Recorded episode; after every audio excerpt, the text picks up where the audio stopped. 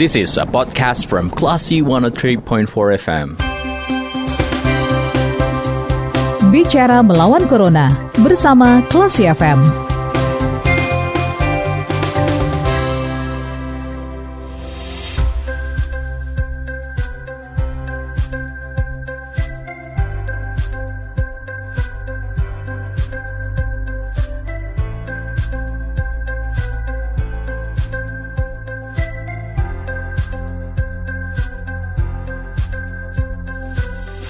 Empat kelas FM, this is the actual radio. Classy People balik lagi di program Bicara Melawan Corona bersama saya Radi Pradata.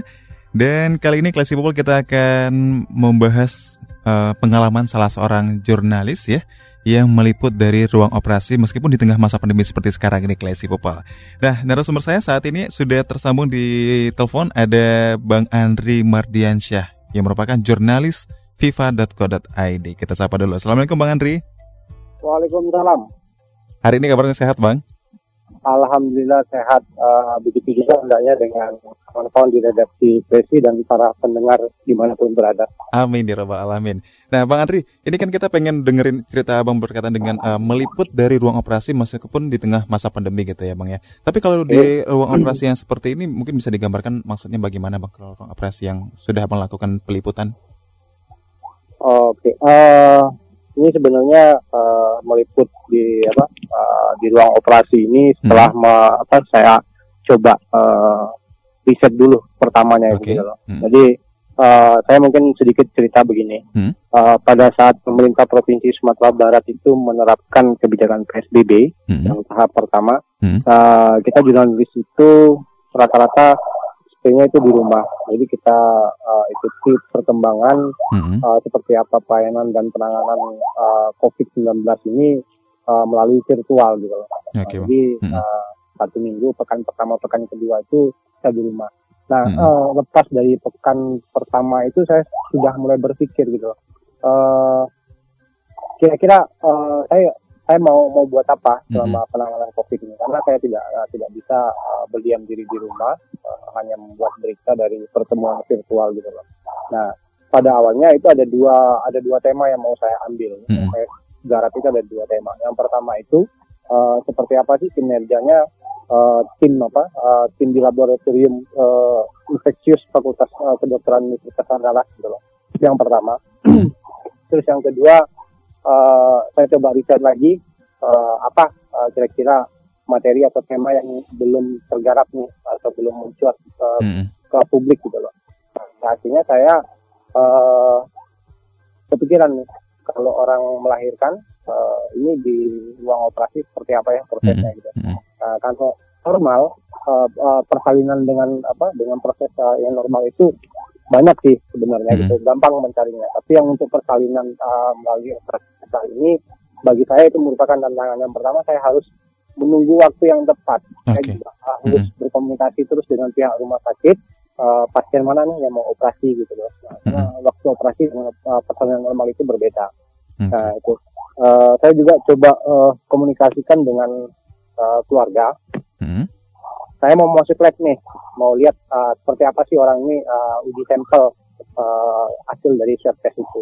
Saya tidak dapat izin, semuanya uh, tidak memberikan izin karena uh, stigma dari COVID pada awal-awalnya itu sangat uh, luar biasa ya. Uh, hmm. kita semua ada merasa takut uh, apa segala macam gitu. Uh, uh, saya coba uh, coba terus persamaan dan pada akhirnya ketika saya sampaikan niat mau masuk ke ruang operasi, uh, ini komentarnya agak sedikit berbeda kalau keluarga, terutama dengan istri ya. Uh, hmm.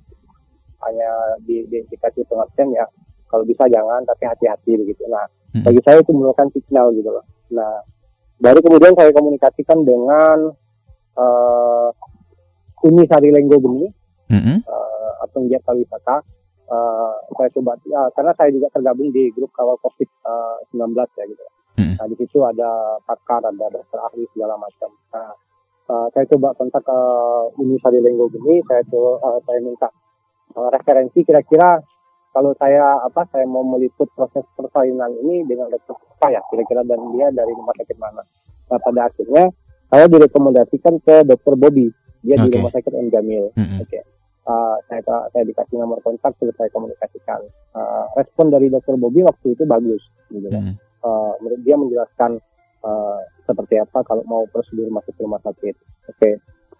Nah itu pada tanggal uh, 14 uh, malam hmm. uh, sekitar pukul 8 malam itu saya diberikan uh, masih oleh dokter Bobby uh, bahwasanya besok pagi itu pukul hmm. 8 hmm. hari Jumatnya ya tanggal 15 uh, Mei itu ada salah satu uh, ada seorang pasien itu dari Solo Selatan dia okay. mau hmm. menjalankan operasi besar di apa di Endan ya. Mm-hmm. Uh, uh, itu bagi saya kesempatannya uh, luar biasa ya. Uh, mm-hmm. Karena harus menunggu momen berikutnya saya bisa uh, kapan lagi saya coba lobby terus dok kalau saya masuk ke ruang operasi ngambil gambar apa sih prosedurnya uh, dia bilang bisa aja sih gitu loh asalkan ada izin dari apa dari pikiran dari rumah sakit Jamil uh, okay. saya coba tanya hmm. kira-kira saya bisa mau minta ya boleh minta izin gitu uh, dokter uh, dokter Bobi waktu itu menyarankan langsung ke M Jamil hmm. nah karena saya tidak punya kontaknya uh, saya apa sebenarnya saya bisa minta nomornya ke dokter Bobi tapi saya kontak lagi ini kali yang begini nah, dia saya diarahkan lagi ke dokter Dovi nah, kalau nggak salah waktu itu uh, dia posisinya seperti saya hmm. uh, direktur SDM kalau nggak salah nah uh, dokter uh, Dovi pun responnya bagus pada awalnya uh, tapi dia menyarankan surat izin kalau mau masuk dari hmm. uh, kantor ya dari redaksi di apa di Jakarta. Nah, Oke, okay, okay. uh, nanti saya apa uh, saya minta izin untuk gitu.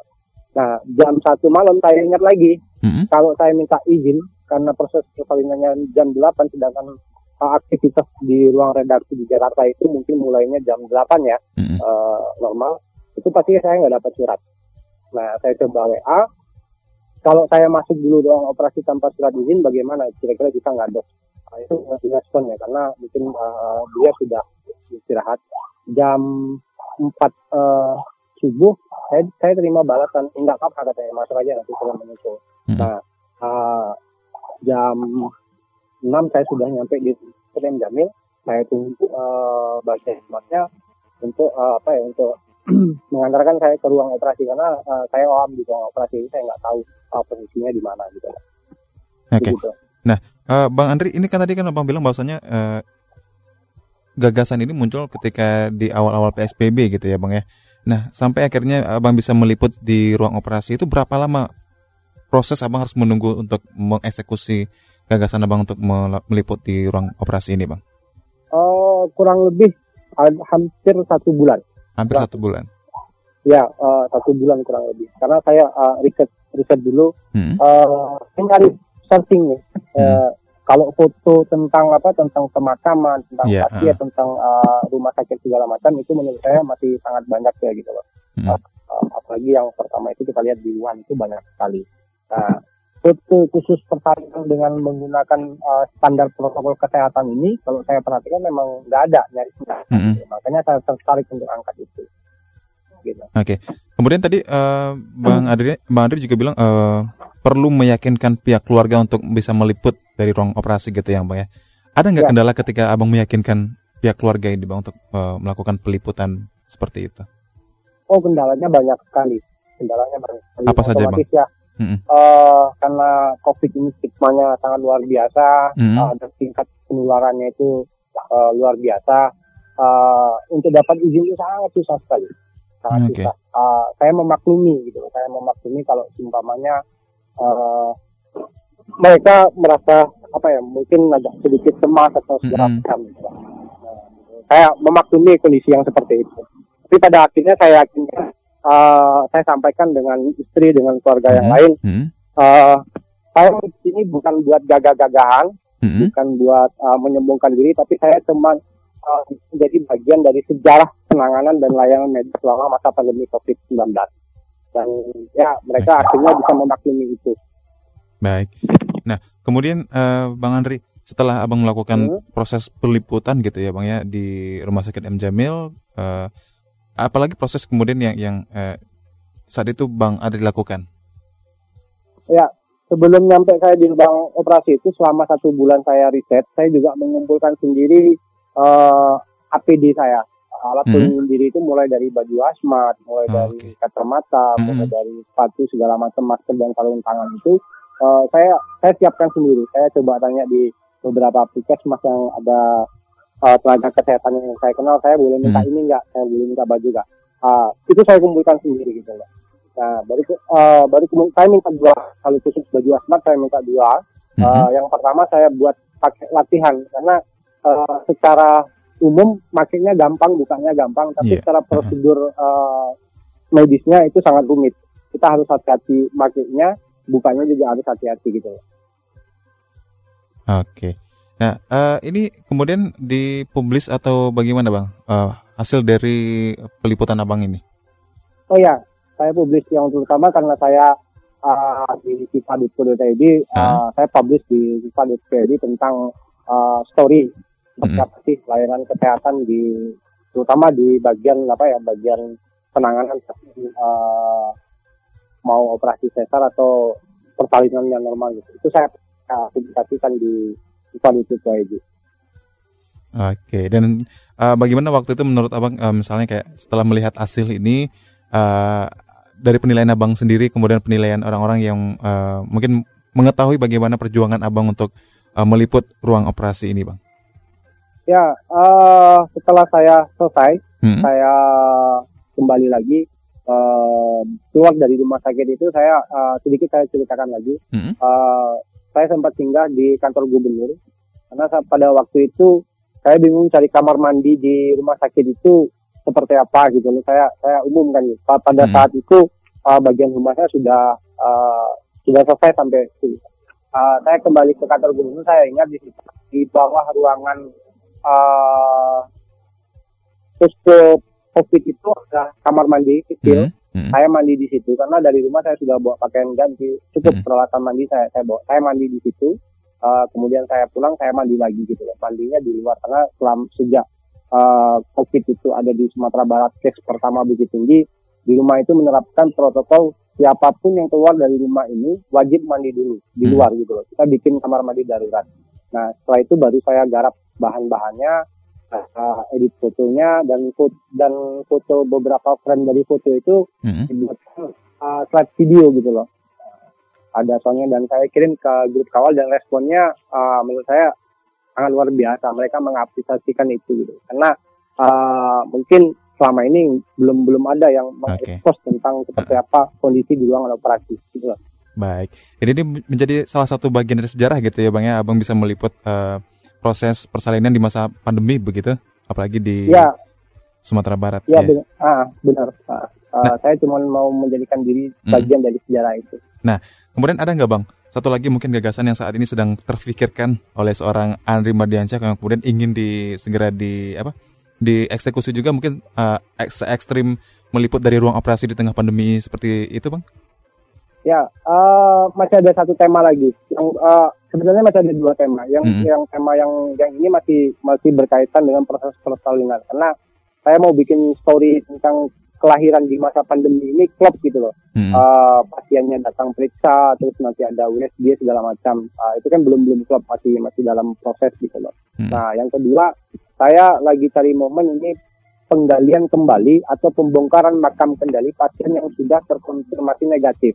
Dan Oh, secara oke. protokol kesehatan, Mm-mm. eh, ketika pasien itu dirawat dan swabnya belum keluar, eh, dia sudah meninggal dunia, itu kan penanganannya kan eh, standar protokol COVID ya. Iya, Dia di- di- dimakamkan dengan Mm. dibungkus plastik segala macam. Dan di eh, pemakaman khusus COVID yang Tempo Padang siapkan itu eh, sudah banyak eh, yang dibongkar gitu loh. Nah, saya Hmm. mencari momen pembongkaran itu. Saya lagi cari informasi kapan eh, ada lagi pasien itu eh, mudah-mudahan tidak ada lah ya. Iya, Kita oke. berharap semuanya Ha-ha. kita tidak ada. Tapi Hmm. andai kata ada, saya lagi mencari informasi itu Hmm. eh, meninggal meninggalnya kasus swabnya negatif dan pihak keluarga itu eh, minta eh, dibongkar dipindahkan lagi. Jadi proses pembongkaran dan pemakaman ulang itu saya coba coba mau garap itu.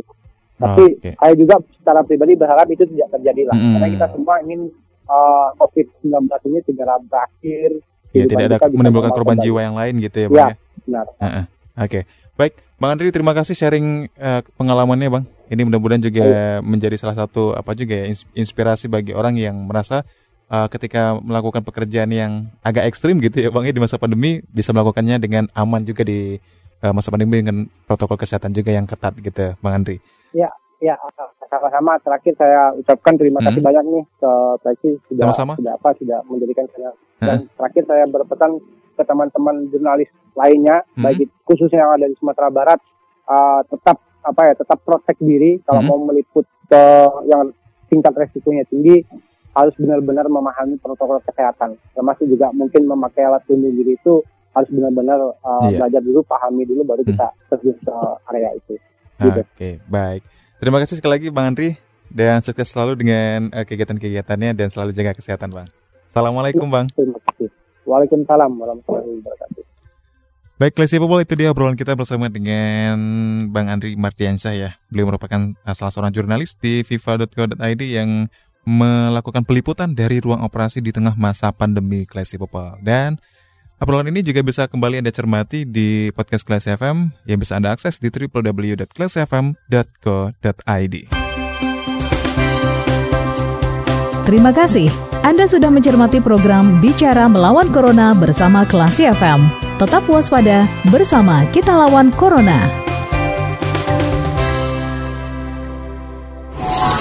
This is a podcast from Classy 103.4 FM.